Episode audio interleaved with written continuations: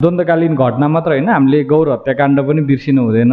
विशेष गरी म आफै पनि माओवादी आन्दोलनमा लागेको कारणले अब ती मर्ने जति त अब अघि राजन दाईले भन्नुभयो जस्तो माओवादी नै हुन् भनेको ढङ्गले चाहिँ बाइपास गरेर जुन मुद्दा नउठेको सन्दर्भमा गणेशजी र हामी चाहिँ छलफल गरेर यसलाई चाहिँ अलिकति मिडिया मार्फत कमसेकम अरूले उठाए पनि नउठाए पनि हाम्रो कर्तव्य चाहिँ हो हामीले उठाउनुपर्छ भन्ने ढङ्गले छलफल गरिरह्यौँ। हिजो पनि हामीले एउटा केही न केही त गरौँ न भनेर गणेशजीले नि भन्नुभयो। त्यसको एउटा कार्यक्रम चाहिँ बोलाएर अब अब अघि दाइले भन्नुभयो जस्तो अब यहाँ मानव अधिकार कर्मी को हुन् होइनन् भन्ने अब यतातिर चाहिँ नजाउँ। अब जो जो हुन् भनेका छन् उनीहरूलाई बोलाएर चाहिँ एउटा चाहिँ छलफल गरौँ न गणेशजी भनेपछि चाहिँ एउटा जोस एउटा ठाउँ उपलब्ध पनि गराइदिनु भएछ। धन्यवाद उहाँहरूलाई पनि अब एउटा इस्युमा। चाहिँ अब बोलिदिनु भएको छ। अब इन्ट्रेस्ट त कसको कहाँ छ भन्ने कुरा त्यो हामी पनि बुझ्छौँ बुझिरहेकै छौँ। अब कुन कुन इस्युमा कसरी कसको इन्ट्रेस्ट बाजिएको छ कसरी ल्याइन्छ भन्ने त लामो समय यही द्वन्द्व पीडितकै इस्युहरू पनि उठायौँ अनि अलिक बुझ्ने पनि भएको छौँ अहिले।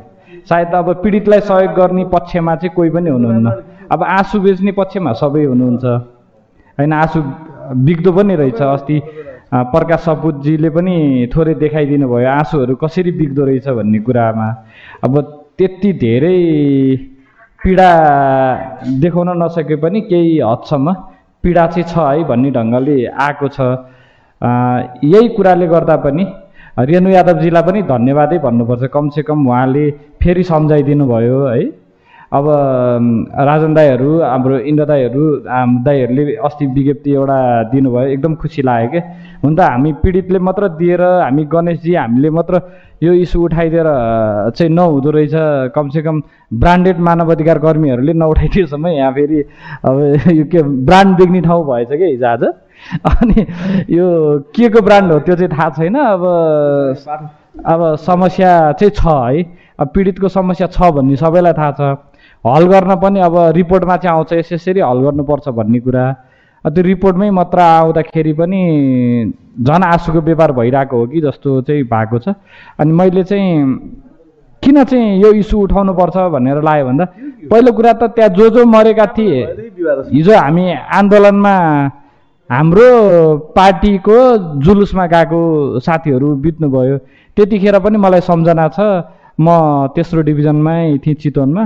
गौर हत्याकाण्ड भइसकेपछि हामीले चाहिँ हाम्रा कमान्डरहरू नेताहरूसँग चाहिँ भनेको थियो अब त्यतिखेर मनस्थिति पनि के थियो भन्दा प्रतिकार गर्ने भन्ने खालकै थियो।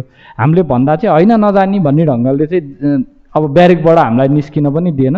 त्यो भएपछि कुन उद्देश्यले भन्ने त अब अहिले आएर छर्लङ्ग भयो। किन भन्दा केही आपराधिक मनस्थिति भएका हाम्रा नेतृत्वहरूले चाहिँ हाम्रो पनि फाइल खुल्छ कि भन्ने डरले रहेछ। अहिले आएर पो हामीलाई थाहा भयो त। हाम्रा मान्छे किन मर्न दिए त? भन्ने त अहिले आएर बुझ्दैछौँ हामी होइन? अब यसको विषयमा चाहिँ छानबिन हुनुपर्छ। अब जवाबदेही त अब यो परको कुरा भयो हुनेवाला त रहन्छ। कमसेकम यो ब्रान्डेड मानव अधिकार कर्मी र ब्रान्डेड नभइसकेका मानव अधिकार कर्मीहरूले यस्तो बिस्तारै बिस्तारै बोल्दै गर्दाखेरि चाहिँ भावी नयाँ पुस्ताले पनि कमसेकम अब युद्ध हुँदैन फेरि पनि द्वन्द्व हुँदैन अपराध हुँदैन भन्न त सकिन्न। भए पनि यस्ता कुराहरू चाहिँ इतिहासमा रेकर्डेड हुँदो रहेछ है। कुनै न कुनै समयमा अब कारवाही हुन पनि सक्ला। अब मानव अधिकारको कुरा अघि दाईहरूले उठाउनु भयो अब आयोगको हालत कस्तो छ न्यायालयको हालत कस्तो छ त्यो हामी छर्लङ्गै देखेका छौँ। अब सबै राजनीतिक दलबाट नियुक्ति लिएको कारणले अलिक बढी झन् काम गर्नुपर्ने प्रश्न उठेपछि काम त देखिहाल्यो कामै छैन केही पनि। आज टिआरसी र बेपत्ता आयोग बनेको छ महिनामा सिद्धाउँछु भनेको काम अब आ आठ नौ वर्ष हुन लागिसक्यो। अब म्यादमाथि म्याद मात्र थपेको छ होइन? अब त्यो समस्या चाहिँ छ समस्या छ भनेर फेरि हामी चाहिँ चुप लाग्न हुँदैन जस्तो लाग्छ बोलिरहनु पर्छ अब सायद यही श्रृङ्खला नै हो। अब हामी मानव अधिकारको मात्र कुरा गर्ने कि अलि जवाबदेही बनाउनको लागि एउटा प्रेसर चाहिँ क्रिएट गर्ने भन्ने। अब प्रेसर त फेरि हामी बमै हान्न त सक्दैनौँ फेरि बन्दुकै बोकेर फेरि ल टिट फर ट्याट भन्न त अब त्यो हाम्रो भित्र मनले पनि दिँदैन। अब हामी एउटा शान्तिको कुरा गर्ने अब न्यायको कुरा गर्ने भएपछि त्यो भएपछि चाहिँ कमसेकम त्यसका दोषीहरू को को हुन् भन्ने त अब रिपोर्टहरू मलाई भन्दा पनि अब अग्रजहरू हुनुहुन्छ अधिवक्ताहरू हुनुहुन्छ मानवाधिकार कर्मी उहाँहरूले चाहिँ ठ्याक्कै ती मान्छेहरूमा चाहिँ अब यो निर्वाचन पनि आउन लाग्यो। कमसेकम अब यसलाई रोक्न सकिएला नसकिएला त्यो निर्वाचन आयोग र सर्वोच्च अदालतमा चाहिँ हालेर त्यस्ता अपराधीहरूले अब चुनाव उठ्न नपाउने भनेर चाहिँ सायद त्यो माओवादीकै लिडर हुन् अथवा त्यो फोरमकै लिडर हुन् जहाँसुकै गएका लिडरहरू हुन्। कमसेकम एउटा हाल्ने प्रयत्न चाहिँ गरौँ जस्तो लाग्छ। यो छलफलले एउटा अब इन्द्रदाई अब आफै अधिवक्ता पनि हुनुहुन्छ। यसको प्रावधान के के छ त? यसले रोक्न सक्ने। यस्ता मान्छेलाई जनताबाट निर्वाचित हुन दिनबाट वञ्चित गर्ने केही उपाय छन् भने हामीले त्यताबाट नै रोकौँ। अरू कानुनी पाटो त अलि ढिलो होला। न्यायको कुरा अलि ढिलो हुनै हुँदो रहेछ। होइन?